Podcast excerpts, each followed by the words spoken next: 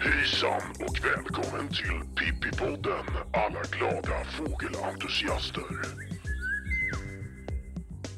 Ja, välkomna till det 28 avsnittet av Pippipodden. Nu har det gått nästan två månader sedan vi hördes av senast. Det var ju i mitten av april vi pratades vid. Men eh, Gullet, eh, då hade vi väldigt stora förväntningar på maj månad, som vi alltid har. Har de där förväntningarna infriats i år? Ja, delvis kanske, fast på olika sätt. Maj blev ju lite som någon slags april-mars månad istället. Det var ju inte alls de här vindarna eller riktigt det här vädret som man ville ha, även om det var en hel del godbitar. Vad minns mm. du? Nej, jag minns mest det här aprilvädret som vi hade i maj. Vi blev ju bortskämda i slutet av april över påsken med väldig värme. Och sen kom inledningen av maj med riktig kyla istället.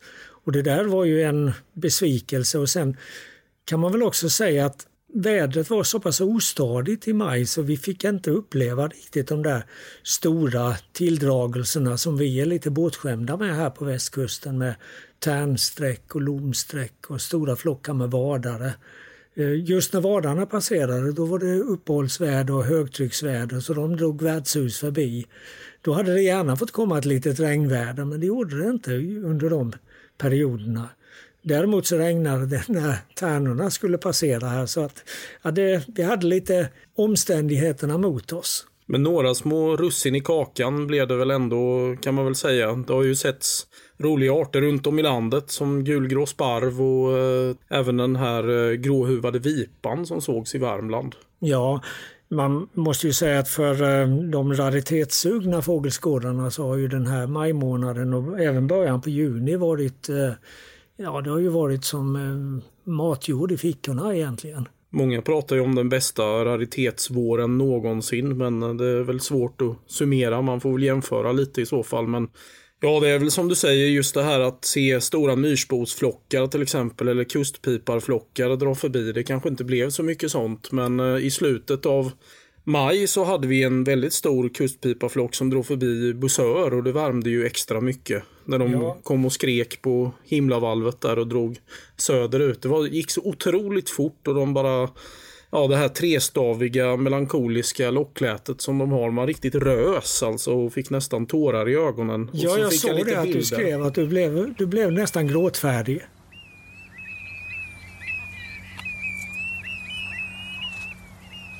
Ja men de är ju så otroligt snygga kustpipare. Det vet ju du med. Att de har ju, det är ju som att de har dragit på sig en kostym på något sätt med rutmönster. Och så har de den här eh, särskilda formen. Lite atletiskt byggda eller vad man ska säga. Och svarta och vita och sen det här lätet. Och så är det ju det där att de ska flyga så otroligt långt med till de högarktiska vidderna någonstans. Jag tror faktiskt att kustpipare och myrspovar bland, uppblandade med några kärrsnäppor hade en avgörande betydelse för att jag blev fågelskådare en gång i tiden. Att jag verkligen fastnade för fågelskådandet. Jag var en liten parvel på 12 år och hade fått följa med några farbröder ut över en hel natt i fågelmarkerna. Och på morgonkvisten så åkte vi om Påarp. Och det här var i slutet på maj månad och det stod en flock blandade vadare med svartvita kustpipare, de här roströda myrspovarna och sen de väldigt eleganta kärrsnäpporna bland dem. Och det där det gjorde ett jättestarkt intryck alltså. Och det bara fortsätter och fortsätter. Ja, år fortsätter. efter år. År efter år. Och man vill inte missa det här. Alltså, jag har nu varit med om fågelvårdare i, i drygt 50 år. Men jag kan inte hålla mig inne när det är kustpipar eller myrspov-dags. Eller ja, vid den tiden då det händer mycket. Då, ja, jag vill ut och uppleva det igen. Ja, man blir nästan, det känns nästan som att man är en zombie som går på Valium till slut i maj. För man skådar ju före jobbet och kanske rent av på jobbet då eftersom jag jobbar som personlig assistent till en fågelskådare och även jobbar på Jätterön där det är mycket fåglar. Och sen kanske det blir skådning efter jobbet dessutom. Och inte så mycket sömn på det men det är ju en riktigt härlig tid och det är ju just det där att man vet att det finns, ja, det tar ju slut så att säga i början på juni åtminstone det här vårsträcket. När kärsångarna kommer då kommer sommaren lite. Ja, men sen när det gäller den här avslutningen av våren så en sak som jag tänkte vi måste prata lite grann om också det är ju att eh, väldigt många människor har saknat många fåglar. Alltså det har varit ont om tornseglare, det har varit ont om törnskott. I vissa delar av Sverige har det varit påfallande ont om näktergalar. Många av de här sena Afrikaflyttarna har varit fåtaliga. Men nu har det börjat fylla på i alla fall. Ja, de har kommit först nu, alltså en vecka in i juni månad. Så verkar det bli fullt i buskarna, alltså alla revir upptagna. Du var ju i Polen där kring mitten av maj kan man säga va? Ja, det var en, en vecka in i maj. Ja. Och eh, då drabbades ju Polen av samma kyla som vi drabbades av. Den, den kylan trängde ju faktiskt ända ner mot Nordafrika. Och eh, det var väldigt uppenbart att vissa fågelarter var mycket sena där. De andra som hade varit med i Polen någon gång tidigare berättade om här kan, kunde man ha en flodsångare var 50 meter. På hela resan som varade då nästan tio dagar så hörde vi en enda flodsångare. Mm. Vi hörde en enda gräshoppsångare, en enda rosenfink, en enda mindre flugsnappare. Ja. Vi såg en tornseglare. Det var alltså påtagligt detta att vissa fågelarter var väldigt fåtaliga. Däremot så hade vi mängder av sommargyllingar. Sommargyllingar fanns liksom överallt. Då. Ja, det så. tänker man ju lite med Polen att just sommargylling och härfågel att det spelar på samma ställe och mm. man står i något, någon lummig glänta någonstans. Det är väl riktigt exotiskt. Jo då, det är, det är ju det är sånt som man bara kan drömma om här i Sverige. Det är så väldigt häftigt att uppleva. Men, men just det där att man såg att vissa arter hade kommit i, i normal omfattning medan andra arter var väldigt fåtaliga. Och det måste väl bero på väderförhållanden som kanske ligger utanför vårt område. Mm. Det var kanske inte de här nordanvindarna då i början av maj utan förhållanden kanske nere i Afrika eller någonstans längs flyttvägen som hade bromsat upp de här som kom från östra Afrika. Medan fåglar som hade varit i västra Afrika var relativt vanliga. Jag var själv med Frida på Gotland. Vi var på Fårö nu i slutet av maj och där kryllade det ju av halsbandsflugsnappare och det är man ju inte van vid som hallänning. Vi hade ju ett fynd här i Varberg häromsistens men vi hade nog alltså fler fynd av halsbandsflugsnappare på Fårö på en dag än vad som finns i fynd av i Halland någonsin. Och det var inte alls mycket svartvit flugsnappare där heller men man lär sig ju den här sången, den väldigt speciella sången som vi kommer spela upp nu. Och vi hade ju ett par som häckade precis vid stugan på Fårö med, så det var väldigt exotiskt att se. Och sen även rosenfinkar som sjöng lite varstans. Och på tal om rosenfink, vad säger du om rosenfink? Jo, rosenfink är väl en väldigt trevlig fågel och vi har haft mycket rosenfinkar, eller jag har fått uppleva många rosenfinkar nu de allra senaste dagarna. Jag hade en kursavslutning på Hallands Väderö, där var det gott om rosenfink och sen hade vi en exkursion också till Ringenäs skjutfält. Det får vi tillstånd av militären att göra varje år på nationaldagen och där var det också gott om rosenfinkar. Det verkar ju vara ett jättebra år. Ja, det verkar vara ett bra år. De har ju kommit österifrån och de kom kanske med den här värmen i slutet på april, alltså upp till andra sidan Östersjön och sen kom de in över hit. Men, men som jag sa tidigare, vi hade bara en enda rosenfink i, i Polen. Trots att det borde vara och det brukar vara ganska många där. Men en sak till när det gäller halsbandsflugsnappare. Det är det ju gott om i Polen också, alldeles särskilt i det här stora skogsområdet som heter Białowieża. Där, där kan vissa år halsbandsflugsnapparen vara den talrikaste tättingen. Alltså talrikare än bofink. Och då har man svårt att tänka sig. Mm. Andra år så är det bofinken som är talrikast men vissa år är det halsbandsflugen som är vanligast. Och vi hade ju mängder av dem. Och någonting som aldrig upphör att fascinera det är det du var inne på med dess sång.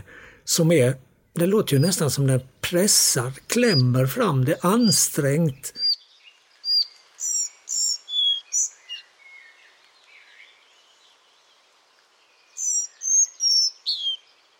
Medan svartvita flugsnapparna är någon sorts klämkäck folkdansare som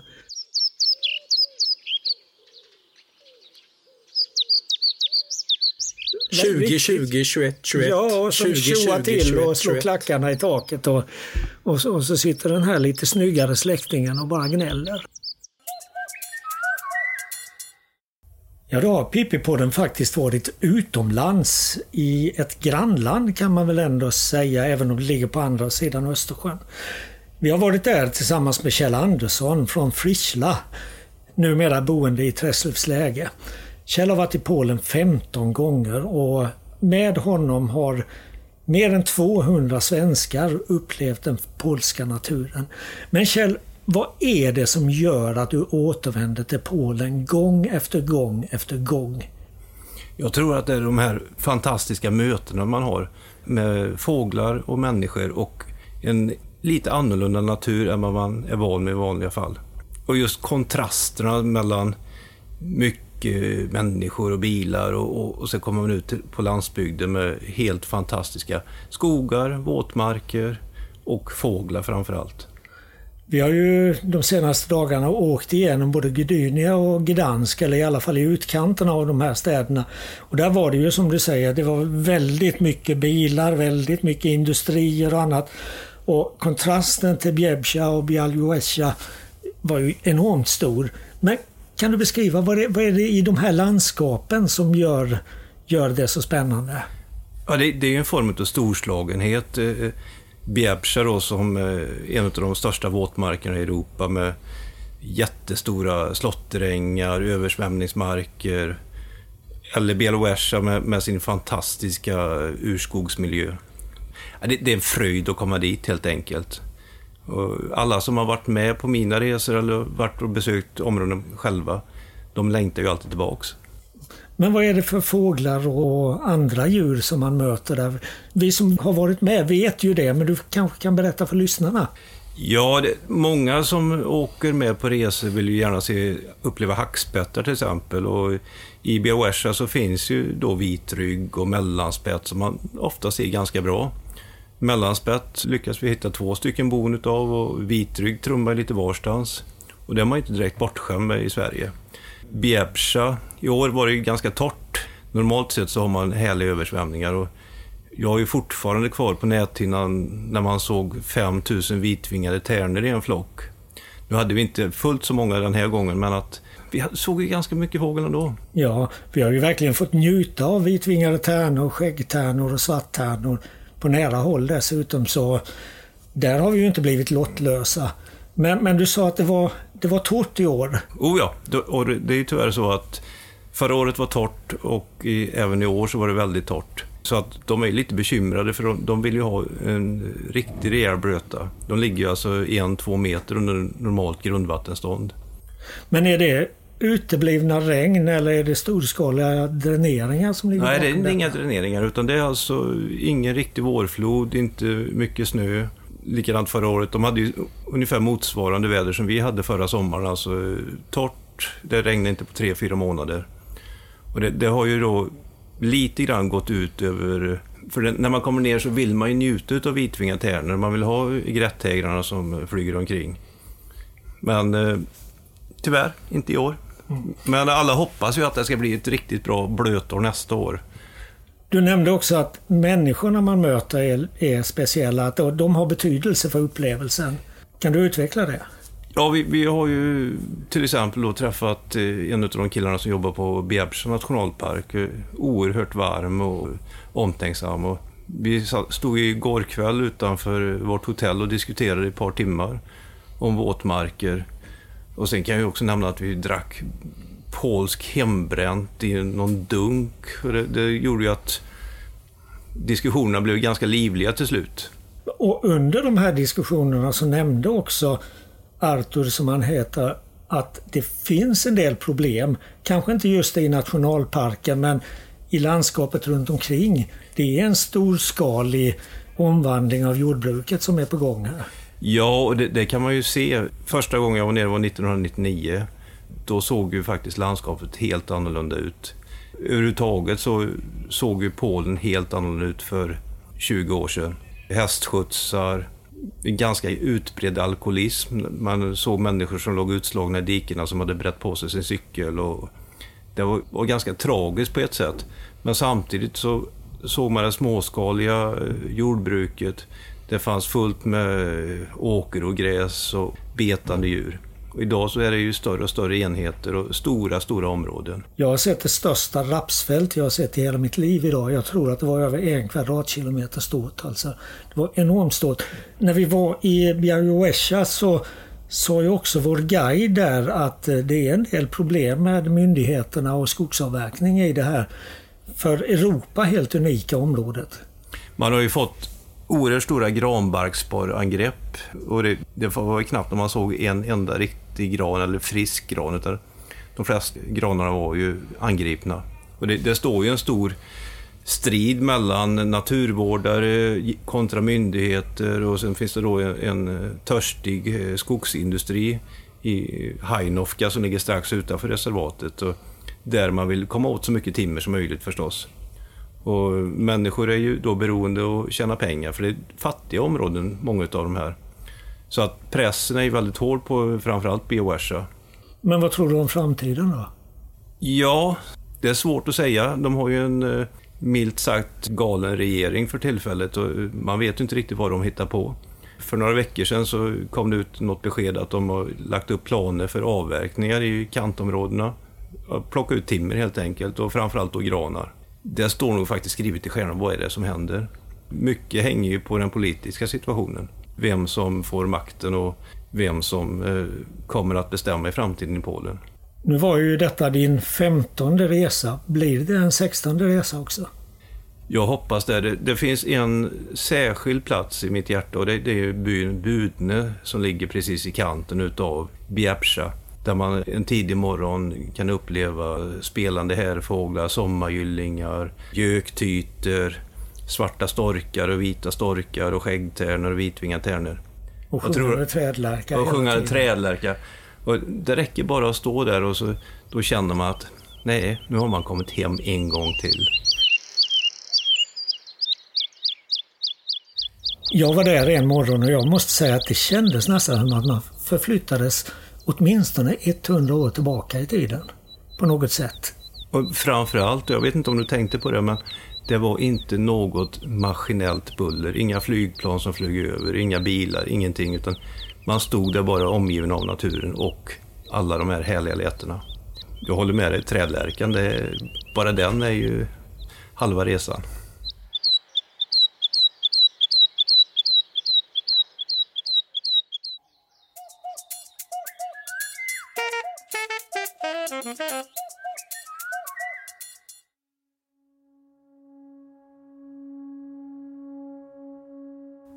Han jobbade på lager och hade en gång skrivit 2,0 på högskoleprovet. Om vårvintrarna och senhöstarna körde vi ibland ut på planlösa skogsturer.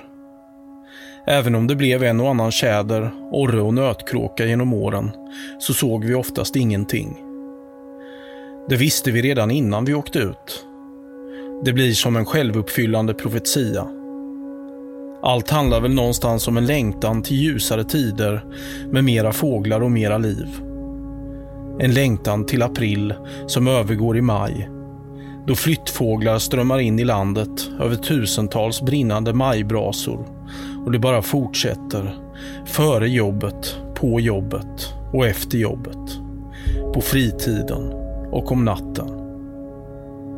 På helgerna om våren samlades vi ofta någonstans längs kusten men den här dagen, som råkade vara valborgsmässoafton och som i år inföll på en tisdag, var det bara Fredrik och jag som var lediga. Vad skulle dyka upp idag i fågelväg?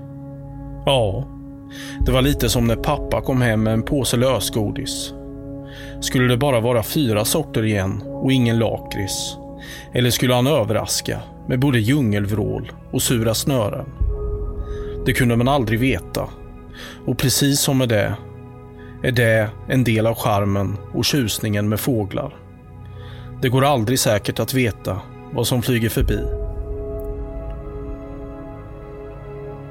Jag hade jobbat så mycket helger på Naturum Jätterön att mina vänner nästan hade slutat ringa mig. För att få en chans att renovera vänskapen kände jag mig därför tvungen att masa mig ut denna 30 april. Jag ville inte hamna i en situation där vår vänskapslåga hade slocknat och vi såg på varandra som främlingar med likgiltighet. Det här skulle bli en bra dag. Fåglarna gav mål och mening i livet.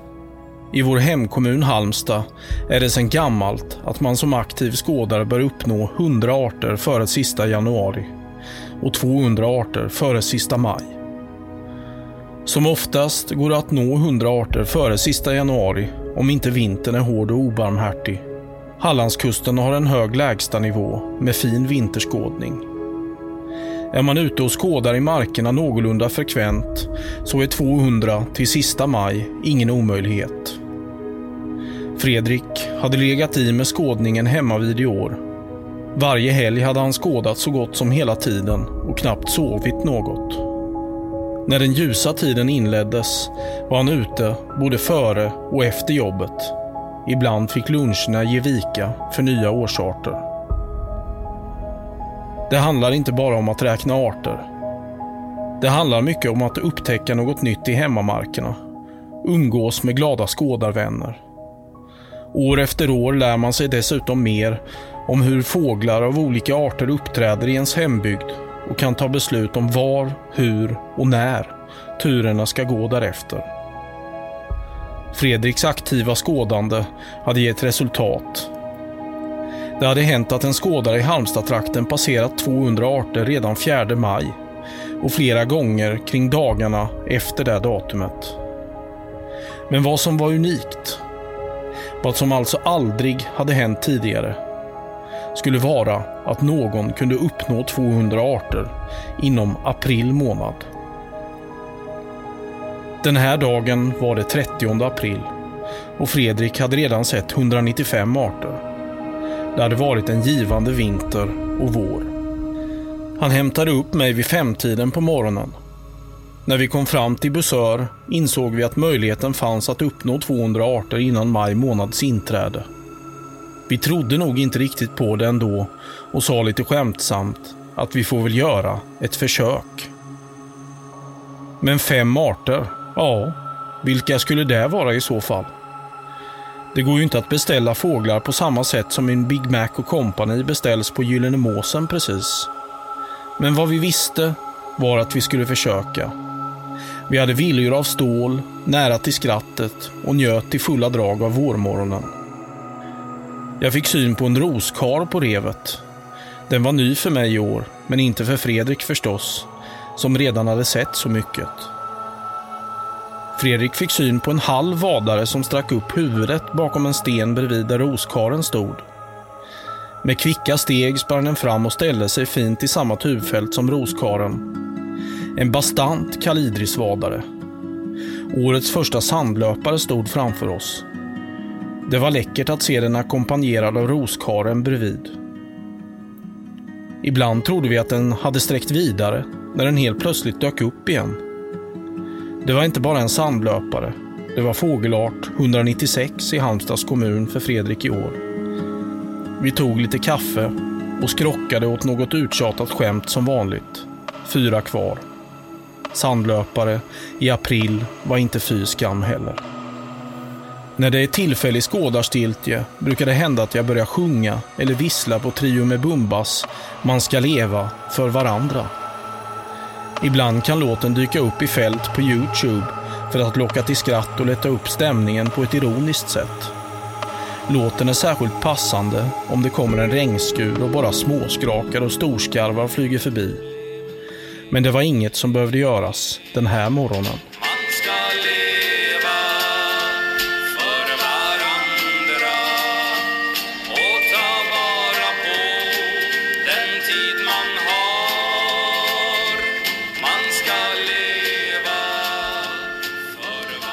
Några skådare till anlände till Busör för att leta sandlöpare. Helt plötsligt hörde jag tjuitt, tjuitt från himlen. Och tänkte att det var ju skoj med en svartsnäppa. Det hade faktiskt inte varit så många den här våren.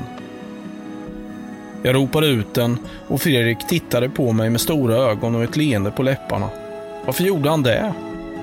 Jo, den var nummer 197. Vad hände?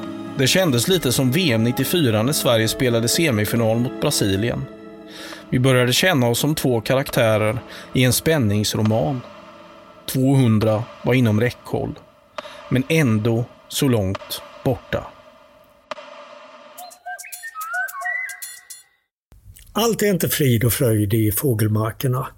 I slutet av maj publicerades en rapport som talade om massdöd av alkor i vattnen kring Pribilovöarna i norra Stilla havet, i Berings hav alltså.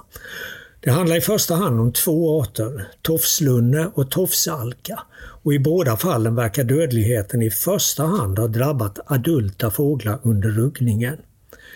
Liksom många andra sjöfåglar så ruggar alkorna sina vingpennor momentant. Det innebär att de fäller alla pennorna inom loppet av kort tid och att de därmed blir oförmögna att flyga under en period, oftast på några veckor. Men det spelar ju inte så stor roll för fåglarna eftersom de kan söka sig till näringsrika områden där de kan hitta tillräckligt med föda för att snabbt låta nya pennor växa ut. Fast nu pekar de här studierna som har gjorts i området kring Pribilovöarna på att dessa vatten inte längre är lika näringsrika som förr. De senaste åren har ökande temperaturer och mindre utbredning av havsisen vintertid lett till att energirika bytesdjur minskat i Berings hav, alternativt att deras utbredning förskjutits norrut, mot kallare vatten längre norrut alltså. Men alkorna är kvar i de områden som de sökt sig till under århundraden och där svälter de alltså nu under den energikrävande ruggningen. Även vi här på svenska västkusten har upplevt liknande saker. Från och till har vi under höstarna hittat betydande mängder av döda sillgrisslor och tordmular. Hösten 2007 drev det i land hundratals, för att inte säga tusentals döda tordmular längs västkusten. Och samma höst påträffades även vinddrivna tordmular i många insjöar. Merparten av de fåglar som undersöktes visade sig vara adulta och de var alla synnerligen magra. Ett mindre antal visade sig vara ringmärkta och de kom från kolonier på de norra delarna av brittiska öarna.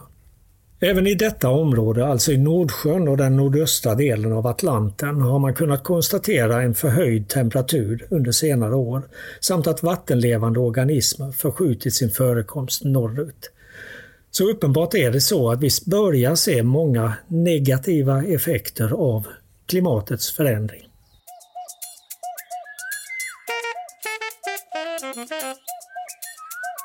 Nu är vi också inne i en period när man eh, lyssnar mycket efter nattfåglar. Har du varit ute någonting?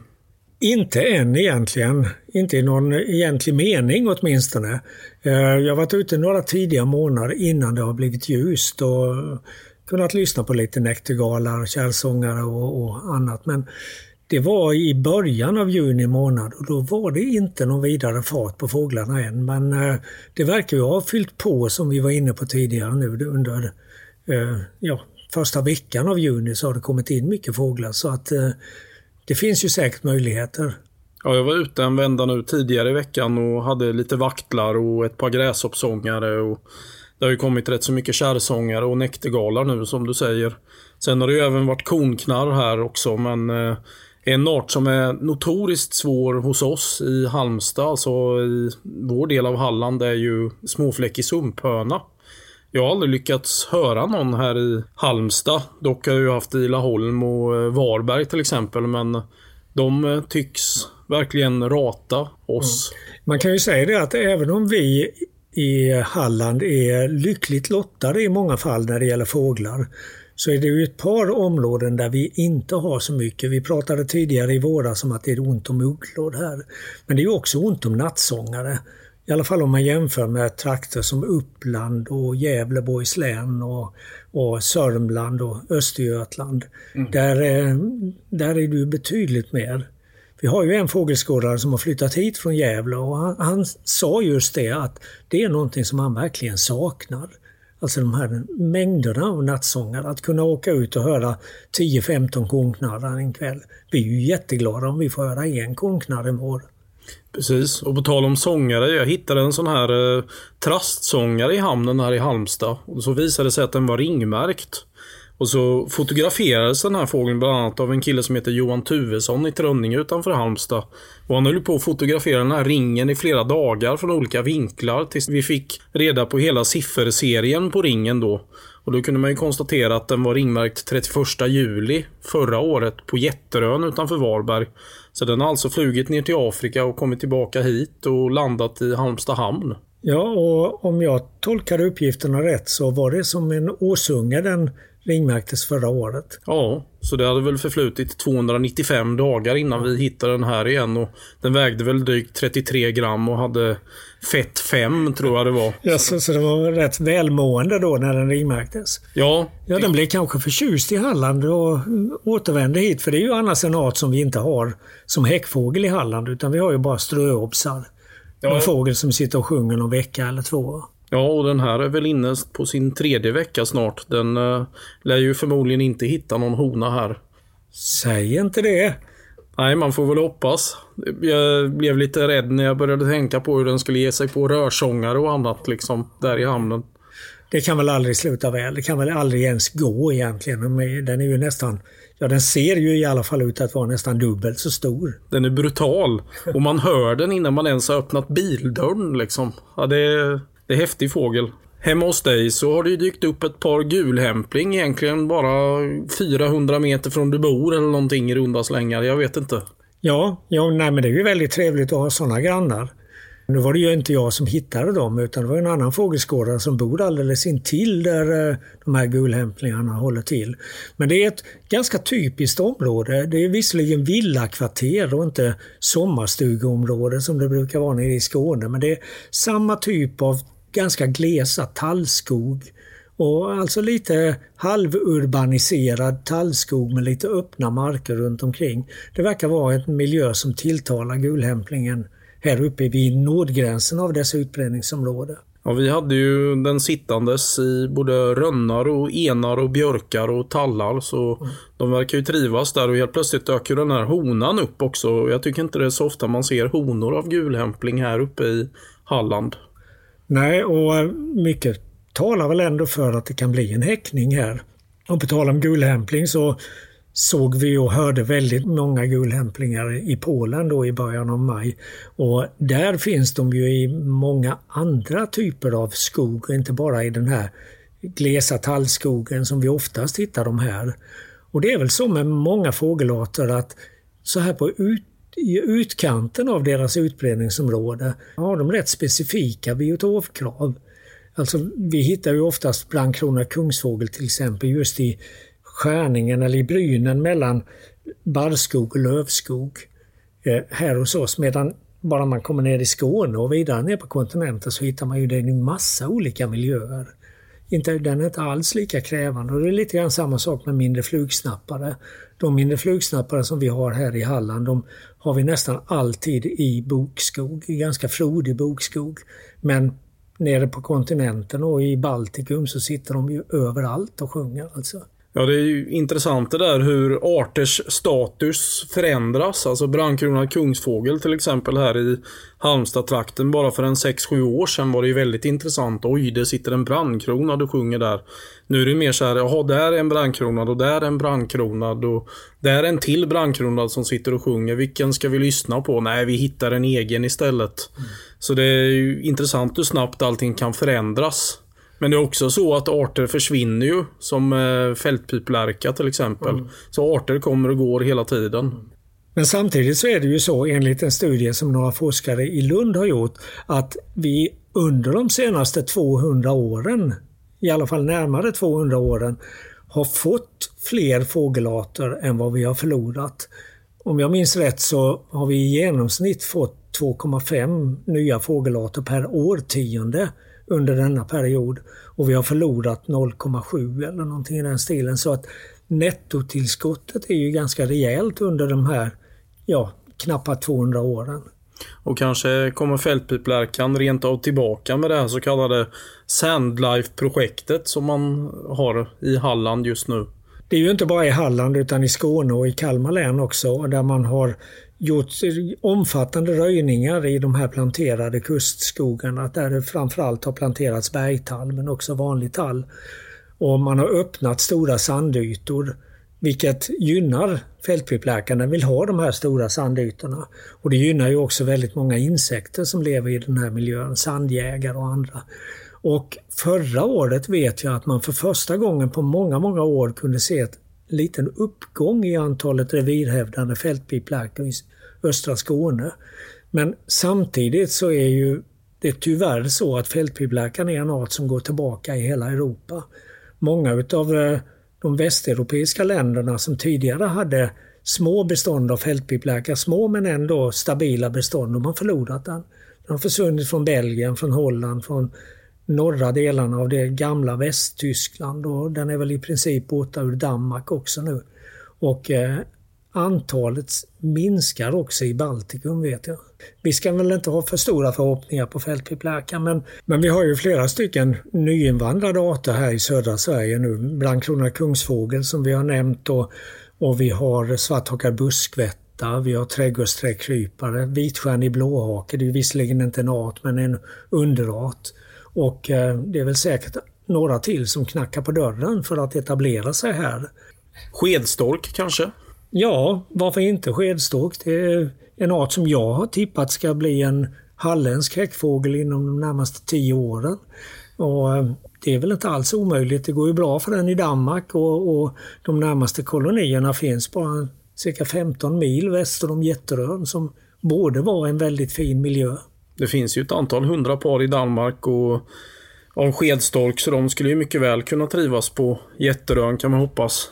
Ja, just det, som en kuriosa grej. På tal om Jätterön så ligger det ju faktiskt ett dvärgmåspar och ruvar på ägg där just nu och det skulle ju i så fall bli den första häckningen någonsin på västkusten. Det kan man väl nästan säga att det redan är eftersom de har lagt ägg.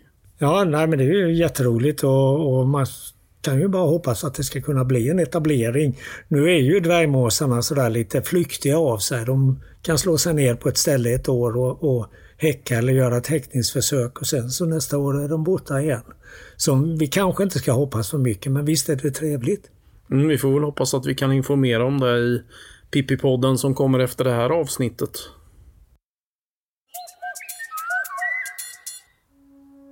Timmarna gick vid Bosör och Fredrik stannade på 197 arter. Under våren är det många tidiga morgnar med mycket skådning och sömnbrist. Det visade sig i det här exemplet. Fredrik tyckte att vi skulle åka och titta på ett par av svarthakad buskskvätta som höll till på Ringenäs skjutfält. Det skulle i sådana fall innebära 198 arter för honom. De går med visst möda att se från Skälviks hamn. Väl i Skälviks hamn ställde jag mig lite frågande kring arrangemanget eftersom jag var säker på att Fredrik redan hade sett svarthakad buskvätta tidigare under året. Han tog sig för pannan och kom på att just så var fallet. Han hade sett en hona i mars i Bosör men fått en tillfällig släng av Alzheimer light i detta nu. Då var det bara att sätta sig i bilen och åka söderut. När vi hade kört upp en bit från hamnen och in på det första fartguppet i villaidyllen kom larmet om en subadult vitnäbbad islom. En trekofågel som var på väg söderut från Morupstånge i Falkenberg. Vi tittade på varandra med förväntansfulla men samtidigt trötta blickar, vände och körde ner i hamnen igen. Art nummer 198 var på väg. Det kunde väl inte ta mer än max 45 minuter för den ner till Skälvik, tänkte vi. Fikat var slut, vi var redan trötta och längtade efter en skön dusch och sedan sängen någon timme eller två. Nu var det istället dags att leta tunga lommar över havet. Det var inte mycket rörelse över böljan den blå. Den vitnäbbade hade passerat vid Morupstånge klockan 10.10. .10. Den borde alltså visa sig i Skälvik före klockan 11. Vi spanade nästan så våra ögon blödde och strax efter 11 gav jag upp. Det kändes lönlöst i värmedallret. Men Fredrik spanade och spanade, svepte och svepte. Jag ringde ett samtal till Frida och började fälla ihop mitt stativ, öppnade bildörren och satte mig i sätet. Vi började prata om vad som skulle hända senare idag. Det skulle handlas mat. Var bananerna och kaffet slut som vanligt? Det fick vi klura på. Jag ropade till Fredrik att vi nog borde ge oss av. Han svarade inte och stod tålmodigt kvar och spanade. Han älskar nämligen sin nya tubkikare. Den har gett honom en extra dimension till skådandet, säger han. Mitt under mitt samtal om sovel, mjölk och bröd hör jag Fredrik skrika. Den här ska du nog komma och titta på! Allt kändes surrealistiskt. Skämtade han eller?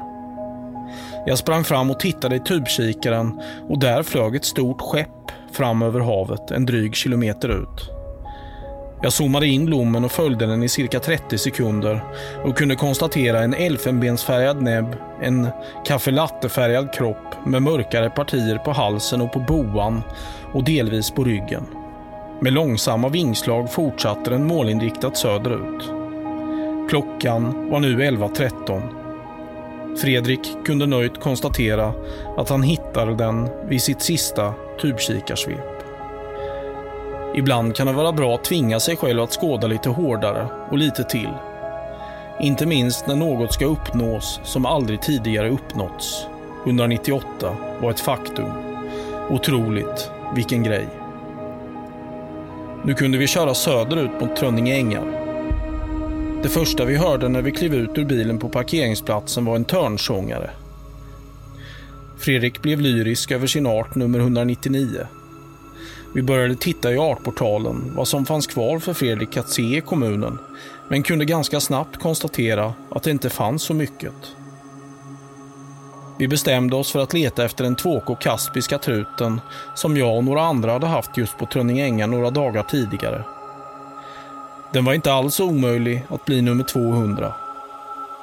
Vi gick noga igenom alla trutar, men ingen kaspisk stod att finna. Vi kollade listan igen och började fundera på om svarttärna kunde finnas söderut i bukten. Det är inte ofta man tittar på en lista vid den här tiden på året och inget nytt finns att se. Det brukar ju alltid finnas något. Men Fredrik hade i sanning legat i det här året. Det var inte bara hans idogna skådande som hade burit frukt. Det var också ett exceptionellt bra år med övervintrande blåhake, större turturduva som hade stannat kvar efter årsskiftet och sibirisk knölsvärta som rastade vid Tönnersa strand och praktade i Påarp redan 6 mars. Dessutom hade amerikansk sjöorre sträckt förbi vid Bosör och en rödduvad dykande hade gjort en kort visit på Trönninge ängar. Nya häckfågelarter som svarthakad buskskvätta och brandkronad kungsfågel hjälpte förstås till. Liksom arter som är grättäger, vattenpiplärka, stepphök och svarthalsad dopping. Fredrik hade hunnit med allihop. Det är nya tider. Arter kommer och går ur vår fauna. Men det har visat sig att det är fler arter som tillkommer än som försvinner i ett längre perspektiv. Vi fick helt plötsligt nys om att det hade setts just en svarttärna vid Gullbrannareservatet. Men att den senast hade observerats vid Tönnersa strand.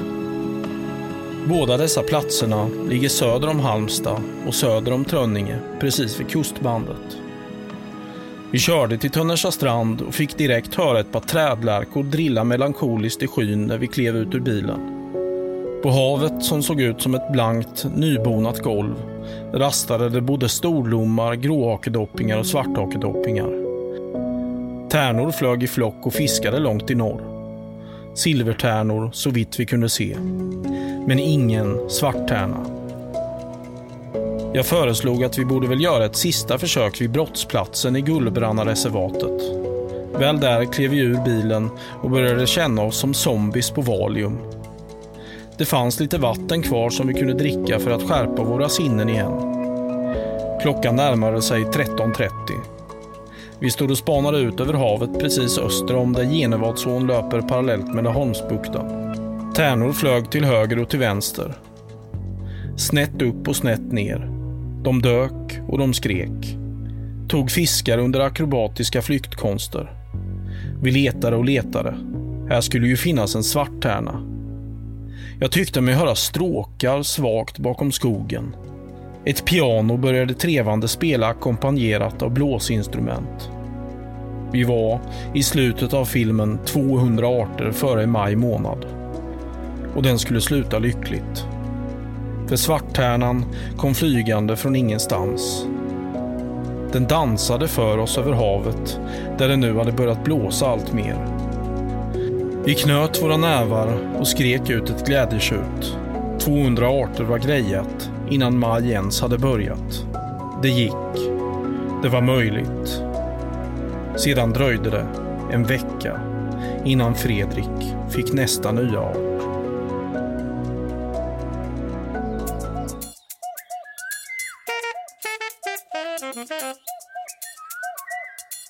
I förra upplagan av Pippi-podden handlade det bland annat om smalnäbbade simsnäppor. Studier med hjälp av så kallade ljusloggar hade visat att de simsnäppor som häckar på Island samt sparsamt även längst i norr på Brittiska öarna, att de flyttar till ett helt annat vinterkvarter än artfränderna i Skandinavien. Medan våra simsnäppor övervintrar i Indiska oceanen flyttar de isländska och brittiska till norra delen av Humboldtströmmen. Och Humboldtströmmen den går utanför västra Sydamerika.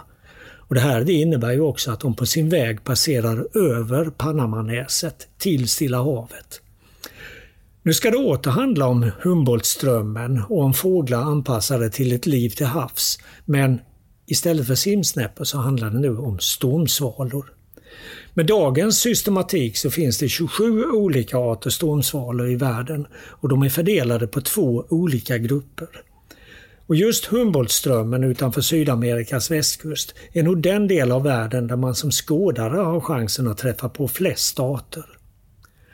Som på många andra håll i världen skådar man havsfåglar i Chile och Peru i första hand från båtar och oftast med hjälp av starkt luktande så kallad chum, eller chum kanske det heter egentligen. Och den här chammen den bereds av fiskolja och fiskrester som får jäsa och sedan blandas med popcorn för att geggan ska flyta på ytan och inte sjunka. Lukten, eller stanken kanske man ska säga, den attraherar sedan stormsvalor, liror, petreller och andra havsfåglar som alla har ett mycket välutvecklat luktsinne. Vissa stormsvalarter, som den som kallas sotstormsvala på svenska, kan förekomma i mycket stora mängder, alltså flera hundra runt en sån här båt. Andra är mycket svåra att se och försvinner ofta lika snabbt som de dyker upp. Och den som främst lever upp till den sistnämnda beskrivningen, den kallas halsbandsstormsvala. Den ses ytterst sällan närmare land än 50 kilometer. Det är där och ännu längre ut som den till synes ensam strövar omkring över havsvidderna. Länge, länge hade man inte en aning om var de här stormsvalorna häckar. Även om det redan för mer än hundra år sedan gjordes fynd som både har pekat i en viss riktning. Man hittade nämligen då döda och mumifierade stormsvalor långt in i land i anslutning till öppna gruvor inne i Atacamaöknen i Chile. Under de allra senaste åren så har en grupp chilenska biologer inom en organisation som kallar sig ROC lagt ner avsevärt med tid och engagemang för att bringa mera klarhet. Och det har visat sig att både den talrika sotstormsvalan och den ovanligare halsbandsstormsvalan häckar långt in i land. I håligheter i Atacamaöknens salthaltiga jordar eller i uppstickande klippformationer. Även det ute i öknen alltså. Och de här fåglarna de häckar i regel i kolonier och de här kolonierna kan ligga mer än 70 kilometer in i land. I de här torra och heta ökentrakterna så finns det inte många predatorer som hotar stormsvalorna och de flyger till och från häckningsplatserna i skydd av nattens mörker som är ganska väl skyddade på sin häckningsplats. Uppenbarligen använder fåglarna såväl månen och stjärnbilder som landformationer när de orienterar sig mellan havet och häckningsplatsen. Och där en ibland uttorkad flotbädd mynnar vid Stilla havskusten, där kunde en grupp från ROC mycket fascinerade iaktta hur uppemot 10 000 sotstormsvalor drog in över land i skymningen en kväll 2016. Det borde ha varit en syn alltså, eller måste ha varit en syn. Men det har också visat sig att ROC måste jobba snabbt för att skydda de områden där stormsvalarna häckar och även skydda deras flygvägar till och från kolonierna. Stormsvalor är nämligen mycket känsliga för starkt ljus och de lockas till upplysta områden inne i öknen. Detta gäller inte minst ungfåglar som ger sig iväg från bohålan ut mot havet på sin första flygtur. De dras då till de upplysta områdena runt gruvor och andra anläggningar och väldigt många förolyckas.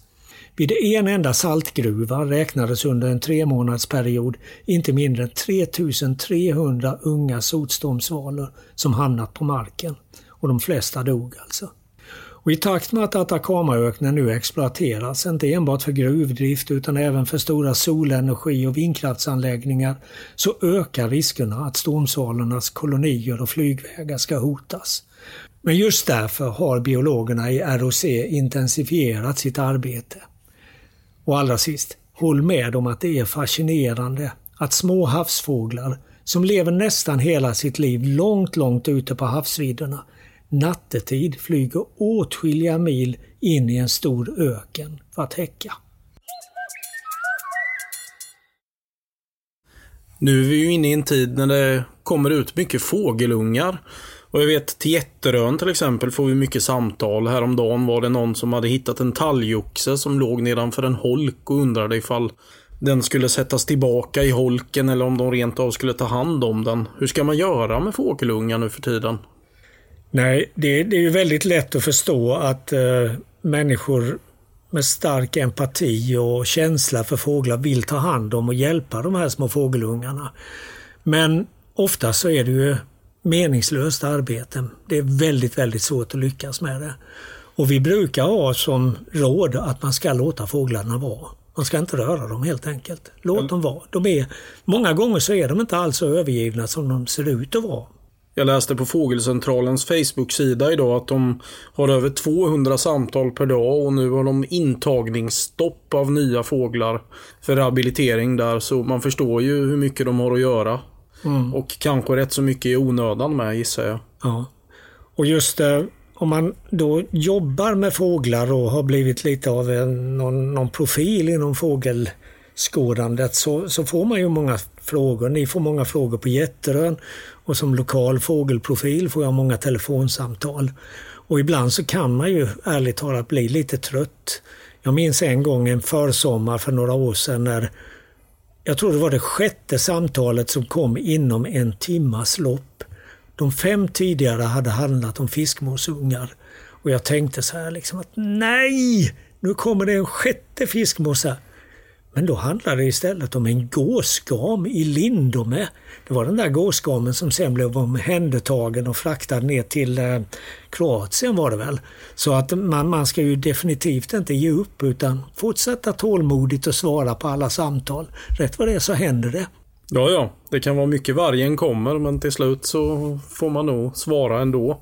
Nej, sen är det ju med fågelungar. Ibland behöver de ju faktiskt hjälp. Hur ska man eh, bära sig åt då? Ska man sätta dem i en mörk låda med hål i och ge dem lite keso och sockervatten? Nej, alltså jag tror det vanligaste felet som folk gör det är att man, man tror att fåglar gillar bröd om man försöker mata dem med bröd. Men bröd är definitivt ingen bra fågelmat. Det skulle man helst vilja att folk upphörde helt med att mata. Möjligtvis att man kan mata duvorna med bröd på torget. Men inga andra fåglar ska ha bröd. Utan tar man hand om en fågelunge så ska de ha så näringsrik kost som möjligt. Hela kostcirkeln måste vara med. Och om vi, om vi tänker på en talgoxfamilj till exempel som du började med att prata om. Så matar ju talgoxföräldrarna sina ungar med insekter och spindlar. Alltså det är väldigt mycket små gröna larver, det är fullbildade insekter, det är fullbildade spindlar. Och de här små krypen de innehåller nog rätt mycket näring och är liksom hela kostcirkeln i sig. De har ju själva levt, i alla fall larverna har ju levt på gröna växter. Och eh, där finns nog det mesta och det är väl det man ska försöka efterlikna. Sen lite längre fram på sommaren så händer det ju att tornseglarungar ramlar ur bona innan de är riktigt flygfärdiga. Och det är också en väldigt vanlig fråga fram i juli månad hur man ska göra med de här tornseglarungarna. Och den här framlidne naturprofilen Jan Danielsson han lärde mig ett tips en gång och det var att man skulle köpa kattmat på burk. gärna köttbaserad kattmat på burk. Det kunde man mata tonseglare med för det, det visade sig innehålla det tonseglarna behöver. Han hade lyckats många gånger och vid ett tillfälle när det var några bekanta till mig som tog hand om en tonseglarunge så lyckades de också just med kattmat på burk. Va? Så näringsrik och gärna energirik mat ska fåglarna ha, eller fågelungarna ha. Men säger du att eh, det är bättre att gå ner på Stockholms ström än, eh, med ett salladskålshuvud en, en Skogaholmslimpa och mata gräsänderna med lite sallad? Nej, det ska man ju inte göra, men eh, ta med lite spannmål eller lite havregryn eller någonting sådant. Men eh, inte bröd. Eh, det har ju till och med visat sig att när man matar fågelungar eller andungar och svanungar och gåsungar med bröd så kan utvecklingen av deras vingar eh, hämmas. De får så kallade änglavingar som står liksom Mm. rätt upp och de kommer aldrig att kunna flyga. Och det, det har visat sig vara vanligt förekommande när de får mycket bröd under uppväxttiden. Så lämna brödet där hemma. Men sen finns det ju en del fågelungar som är anpassade till att börja käka direkt. Som skärfläckar börjar ju mer eller mindre på egen hand födosöka i princip när de föds. Men strandskator kanske får lite hjälp av sina föräldrar i början i alla fall. Men Ja, med få undantag så är det ju så att både hönsfåglar och vadarfåglar födosöker själva redan från första stund. Strandskatans unga matas av föräldrarna och det gör ju också att strandskatorna kan häcka uppe på tak och andra platser där, där det inte finns någon mat. För att ungarna blir försörjda av sina föräldrar. Men andra vadarungar och, och så gott som alla hönsfågelungar, de klarar ju sig själva.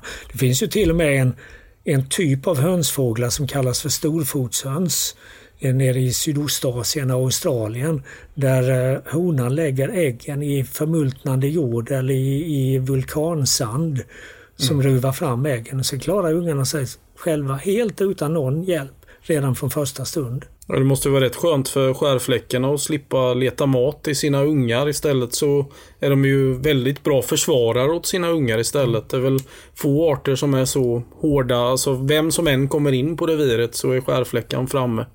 Jo, de är väldigt intensiva i sitt försvar av ungarna. Samtidigt så är det ändå så att åtminstone på våra breddgrader så verkar det som att det ska vara väldigt, väldigt bra förhållande för att skärfläckungarna ska klara sig. Det är ofta mycket, mycket hög dödlighet bland skärfläckungarna. Just nu vet jag att de upplever det nere på Landgrens holme vid Skanör. Där har jag häckat över 200 par skärfläckar på den här holmen och det är förhållandevis få ungar som syns där. Eh, Det har varit hög dödlighet bland ungarna och man har inte kunnat koppla detta till någon predator eller så utan man tror istället att det kan vara födobrist helt enkelt.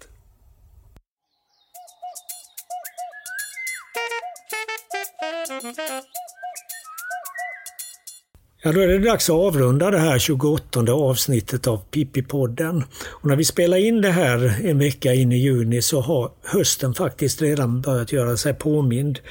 Jag har sett flera stycken sydflyttande skogssnäppor och nu börjar det dyka upp svartsnäppor som är på väg mot söder också. Och nästa gång när vi kommer tillbaka med det 29 avsnittet då kan vi väl räkna med att höstflyttningen är i full gång. Ja, det får man väl tro. Vi har ju väldigt mycket att stå i vid den här tiden på året. Det är guidningar och det är inventeringar och grejer och allt möjligt. Så vi, Och sen ska vi vara lite lediga också. Ja, vi måste ju vara lite lediga också så vi kan skåda fågel. Ja, precis. Så vi vet alltså inte riktigt när vi kommer tillbaka och vi hoppas att ni kan ha tålamod med oss och så hörs vi någon gång framåt sensommaren kanske.